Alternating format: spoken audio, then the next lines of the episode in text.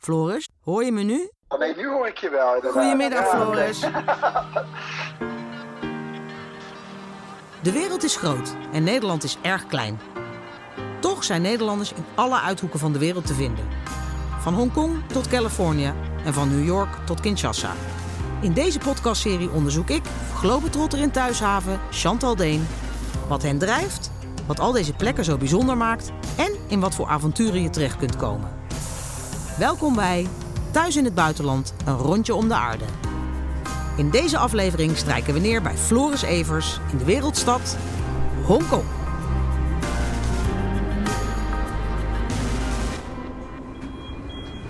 Nou, ik loop op dit moment in eh, een van de drukke straten in Hongkong. Ehm het is een stad die 24/7 in beweging is. En eh, het maakt niet uit of het laat in de avond is, of het eh, in het weekend is, op zondagavond 10 uur, waar bijvoorbeeld in Nederland iedereen stil thuis is. Maar in, eh, in Hongkong leeft het altijd. Altijd mensen op straat, altijd taxis die voorbij rijden, toeterend. En eh, bussen rijden hier af en aan met, met mensen erin. Maar vooral ook de bekende tram. En dit zijn trams die nou ja, al 100 jaar in dienst zijn. Sommige zijn echt nog in gebruik. Ik zit er nu in eentje bijvoorbeeld. Er zijn natuurlijk ook nieuwere modellen geïntroduceerd. Maar de meeste trams zijn, eh, zijn echt wel een aantal decennia oud. En ehm, ja, dat is toch wel het, het mooie en unieke van Hongkong. Aan de ene kant zie je de, de meest eh, eh, luxueuze sportauto's voorbij komen.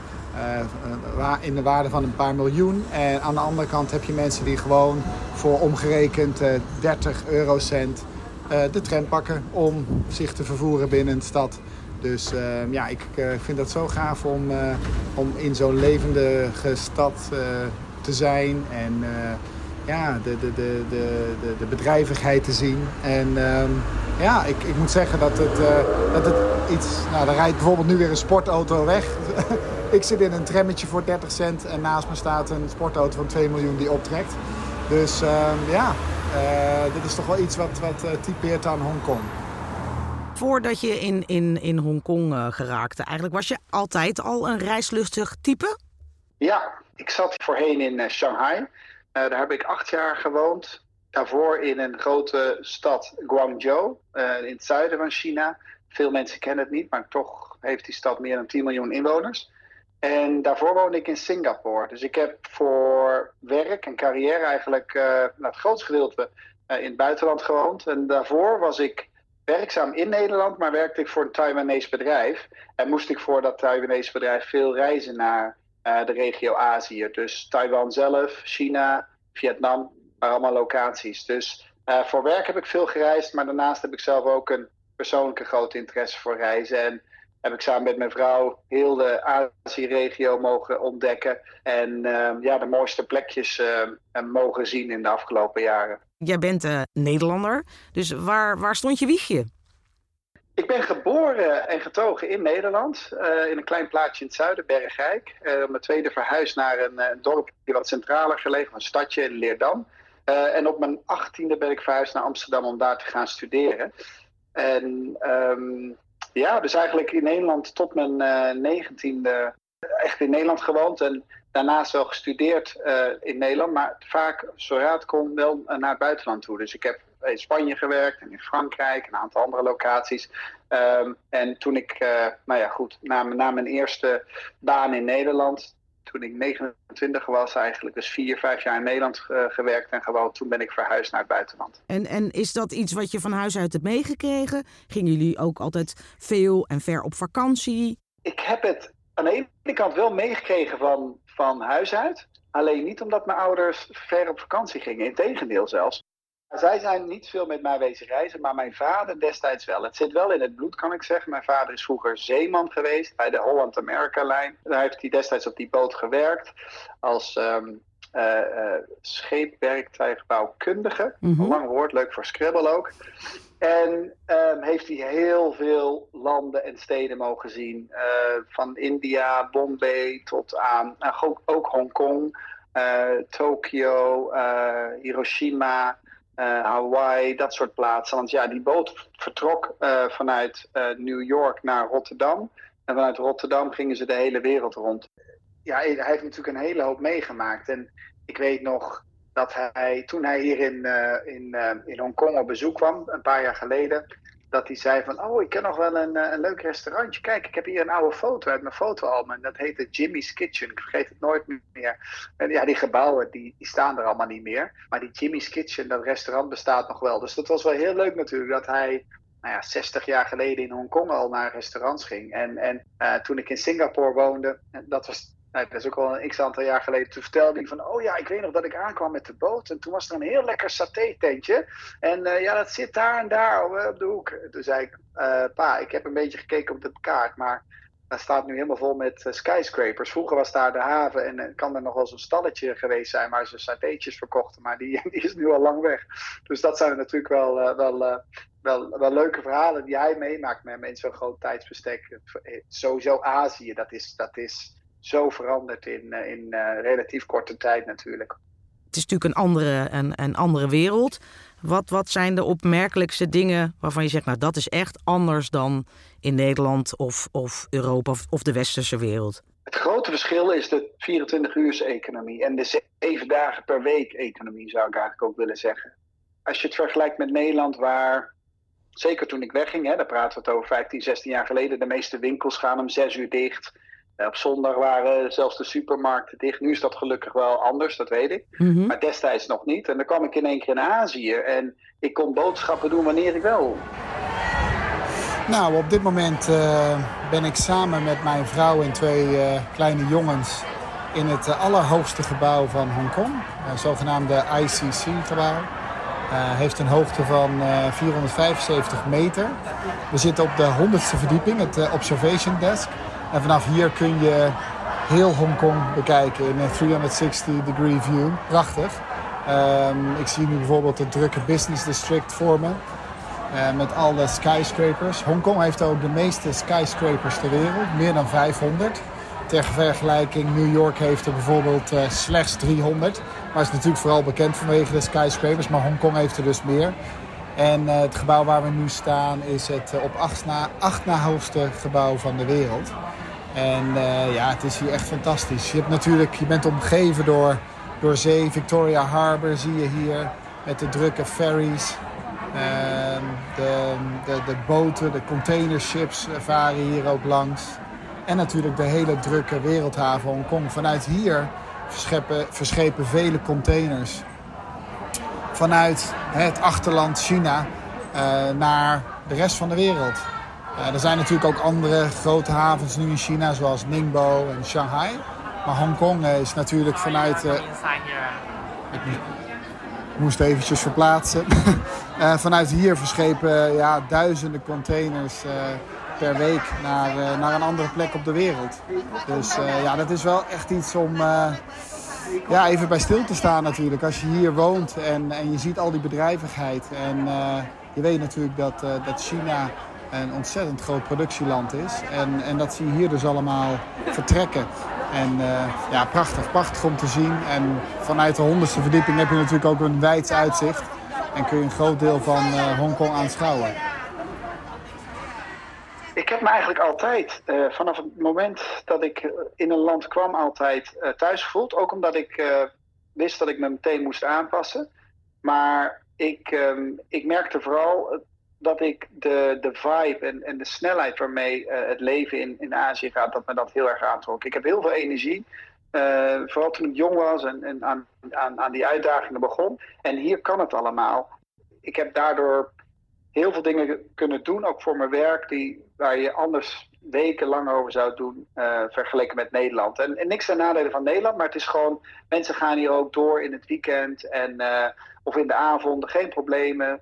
Eh, van, eh, ja, of het, nou, of het nou een groot corporate bedrijf is of een, eh, of een kleine onderneming. Iedereen die, die wil samenwerken en die doet graag een stapje extra om, om het te bereiken.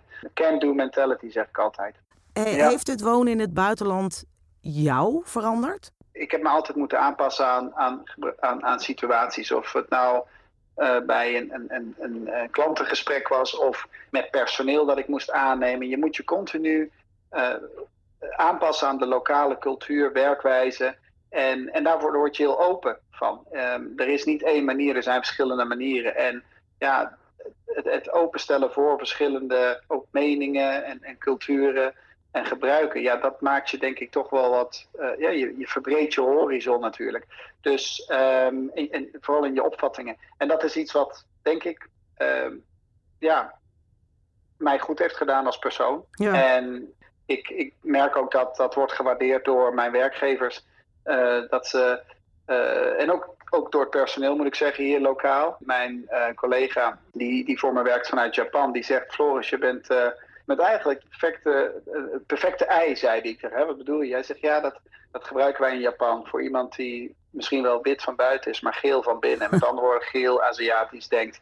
Dus hij, uh, hij zegt, neem het niet als een, uh, als een uh, negatief iets op. Het is eigenlijk de beste ehm, ja, vergelijking die ik, die ik kan maken voor jou. Dus dat is wel heel leuk om te horen. En, en dat ze ook met veel plezier met mij werken. Ja.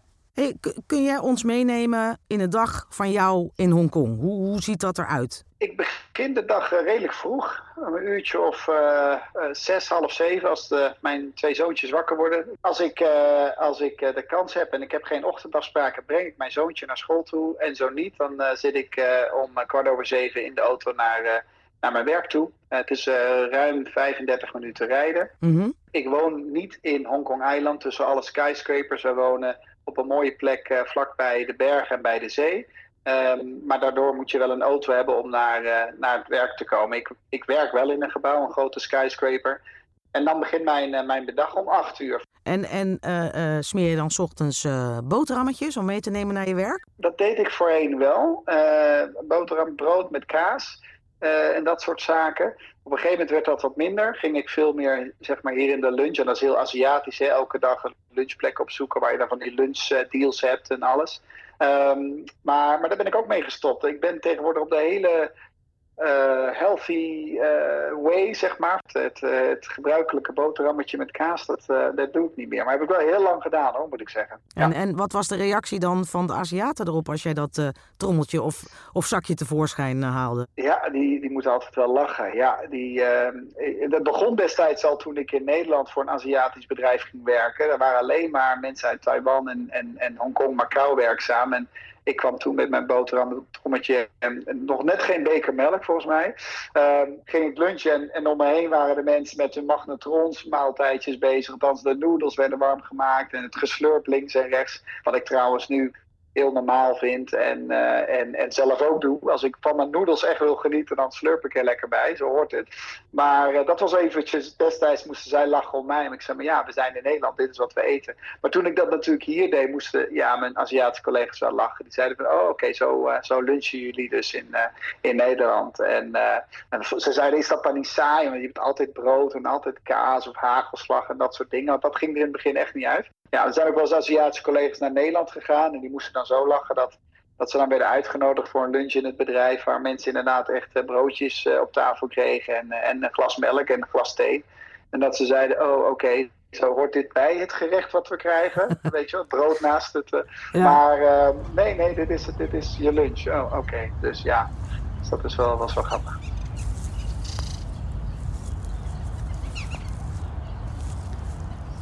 Nou, zoals je kunt horen ben ik nu op een hele andere plek dan voorheen. Ik stond eerst tussen de voorbijrazende auto's, bussen, alle drukte van uh, Hongkong uh, Island. En heel veel mensen denken ook dat uh, dat, dat eigenlijk ook, ook Hongkong is. Dat het vooral beton is, drukte, een, een mierenhoop van mensen. Maar uh, gelukkig zijn er ook een hele hoop andere plekken die niet zo zijn. Zelf wonen wij niet in de stad. Wij hebben ervoor gekozen om uh, op een plek te wonen waar heel veel natuur is, heel veel ruimte. We wonen op 10 minuten loopafstand van, uh, van het strand. Um, we hebben bergen op de achtergrond waar we kunnen wandelen, waar we kunnen mountainbiken. En ja, dat is 30 minuten rijden van, van Hongkong Island, van, van alle drukte zou ik willen zeggen. En voor ons een, een ideale plek om te wonen. Vooral omdat we twee jonge kinderen hebben die alle ruimte hebben om, om te spelen. Uh, op dit moment ben ik uh, een ochtendwandeling aan het maken. Ik loop voorbij een, een voetbalveldje, uh, langs parken. Nou, de vogeltjes op de achtergrond die je hoort fluiten. En dat heb je toch een stuk minder als je in de stad woont. dan, ja, dan heb je natuurlijk ook te maken met meer luchtvervuiling, met meer drukte, minder natuur om je heen. Dus ja, dit is een hele fijne plek om te wonen. En, en vooral mensen die op bezoek komen of mensen die nog nooit in Hongkong zijn geweest, die ik dan spreek en foto's laten zien, die kunnen vaak ja, die hadden zich dat niet voor kunnen stellen. Van, oh wauw, ik dacht dat Hongkong echt alleen maar gebouwen was en één grote stad. Maar uh, uh, ja, meer dan, meer dan 85% van Hongkong zelf is helemaal niet bepaald. Dat, dat is eigenlijk natuur. En uh, het is ook zo dat het niet allemaal te bebouwen is, want er zijn heel veel bergen hier. Dus ja, de, de, de, de plekken waar gebouwd kan worden, daar bouwt men. En dan vaak in de hoogte. Dus ondanks dat wij ook zeg maar ver van de stad wonen, we wonen nog steeds in een appartementsgebouw. En, um, maar we hebben dus heel veel groen om ons heen en water. En uh, ja, het is een fantastische plek om te wonen. En zoals ik al zei, mochten we de drukte willen, willen zoeken... En, en, en, en willen shoppen in uh, ja, toch wel een van de mooiste steden van Azië... dan, dan is het een half uurtje met, met de auto of drie kwartier met openbaar vervoer. Dus alles is, is goed geregeld, er zijn directe verbindingen. Dus ja, een prachtige plek voor ons gezin om om te wonen hier in Hongkong. Hey, ik, ik wil toch nog even terug naar jouw leven, of jullie leven eigenlijk uh, in Hongkong. Dat, dat is op, op, denk ik, heel veel vlakken totaal anders dan in, dan in Nederland. En dan denk ik alleen al aan, aan de geur. Hè, uh, op het moment, uh, ik ben er, er, twee keer geweest en dat was het eerste, wat eigenlijk het eerste contact was een andere geur toen ik op het, op het vliegveld aankwam. Wat, nou ja, hoe anders worden je zintuigen geprikkeld daar? Toen ik in Taiwan was. En dat was eigenlijk mijn eerste verre reis naar Azië destijds, toen ik voor dat Taiwanese bedrijf werkte. Ik kwam aan in het hotel, uh, het was een uurtje of uh, zes. Uh, en ik dacht van, nou, ik ga nog niet eten, maar ik ga wel even de buurt verkennen hier. Ik ben benieuwd hoe de Taiwanese centrum eruit ziet. Dus ik vertrok uit het hotel en ik, ik liep een straatje in. En nou, er kwam een geur op me af dat ik denk van, wat is dit joh? Daar, daar ligt, nou, ligt er moet ergens een lijk liggen of zo. Want ik moest echt mijn, mijn, mijn, mijn neus dichtknijpen. Het was zo verschrikkelijk. Maar zelfs met mijn neus dicht rook ik het nog steeds. Ik denk, ja, dit is echt niet goed. Het was geen riool, het was, het was echt niet te doen. En ik, ik liep steeds verder en verder. En toen kwam ik bij een stalletje. En er was een oud omaatje was daar iets aan het bakken. En het was zo sterk. En ik deed mijn neus even open. Ik denk, oh nee, het komt hier vandaan. En ik, ik, en ik, ik keek, wat is dat dan joh? En ik, ik, ik wist niet wat het was. Het waren witte dingetjes en er werd, werd gebakken, of in de olie werd dat gebakken. En, uh, en toen, ik sprak nog geen Chinees. En ja, toen wilden ze natuurlijk een beetje aanbieden met haar handen van, nou wil je ook een stukje? En toen denk ik natuurlijk van, nee, nee, dat wil ik niet. Nou, achteraf, toen ik mijn collega's voor het diner uh, ontmoette, die zeiden van, oh Floris, nou welcome to Taiwan. It's cho tofu. Cho, to, cho tofu betekent stinky tofu. Dat is een world famous dish en we zijn zo proud of it uh, hier in Taiwan. En um, ik zei, nou ja, ik, zeg, ik vond het maar uh, apart ruiken. Zegt ze, nou ja, dat hebben wij ook als wij Franse kaas ruiken. Dus dat vinden we ook verschrikkelijk. En jullie eten dat ook. Dus ik zei, oké, daar heb je wel een punt natuurlijk. Dus het is allemaal gewenning. Nou goed, wij lachen, gieren, brullen. En wat werd er besteld door mijn Taiwanese collega's is natuurlijk chotofu in het restaurant. Um, ik heb het die keer niet opgegeten. Het lukte me niet. Maar ik ben in keren daarna nog. Nee, dat, ik kon het niet. Ik heb mijn best gedaan. Zelfs met mijn neus dichtgeknepen. Ik, ik kreeg het niet door mijn keel. Ik moest echt kokhalzen. Uh, ik ben daar natuurlijk uh, in de jaren daarna nog een keer, uh, aantal keer naar Taiwan gegaan. En bij de derde keer heb ik het kunnen inslikken. De tweede keer heb ik het in mijn mond kunnen doen, maar niet kunnen inslikken. En de derde keer heb ik uiteindelijk chotofu kunnen inslikken. En het is wederom weer gewenning. En uh, het grappige was wel zo, de collega die het aanbood destijds, en ik had het dus op, ik zei, wil je ook een stukje? Zei, nee joh, dat eet ik niet, dat vind ik helemaal niet lekker. Ik denk, hè, ik ben een Taiwanese, je eet het zelf niet. Maar nee. hij vond het wel leuk dat ik het uh, destijds heb gegeten. Maar ja, over geuren gesproken, dat, is, dat staat me, en dat is hoeveel jaar geleden? Ik praat echt uh, over 18 jaar geleden, mijn eerste trip naar Azië. Dat ja, vergeet ik nooit meer. Die, die geur was wel heel heftig, ja. Ja, Mis je dan nog iets uh, uit Nederland? ja, mensen, mensen denken dan dat ik meteen drop of kaas zeg. Ehm, ten eerste kun je dat maar krijgen hier. Maar het grootste gemis is toch wel familie. En met name mijn, uh, mijn, mijn vader en mijn zus. En, en de vrouw van mijn vader natuurlijk ook. Uh, die mis ik enorm. Uh, zeker de afgelopen twee jaar heb ik ze slechts één keer kunnen zien. ik heb twee jonge kinderen. Die hebben ze ook maar één keer kunnen zien. En, en dat is wel jammer. Blijf je daar? Of, of kom je nog eens terug naar Nederland? Hoe aantrekkelijk het ook is om in Azië te wonen, is er ook toch ook wel een drang, uh, bepaalde drang om naar Nederland uh, terug te keren. Floris, dankjewel voor dit uh, inkijkje in jouw leven en voor het interview. En ehm, tot ziens. Graag gedaan. Dit was Thuis in het Buitenland, een rondje om de aarde. Hopelijk heb je ervan genoten en wellicht zelfs iets opgestoken. Woon je zelf in het buitenland of heb je die ambitie? Neem dan gerust eens een kijkje op oomverzekeringen.nl, waar je alles kunt vinden over hoe je zorgeloos kunt genieten van jouw buitenlandavonturen. Meer avonturen beluisteren? Luister de hele serie via je favoriete podcast-app. Veel luisterplezier en een reislustige dag gewenst.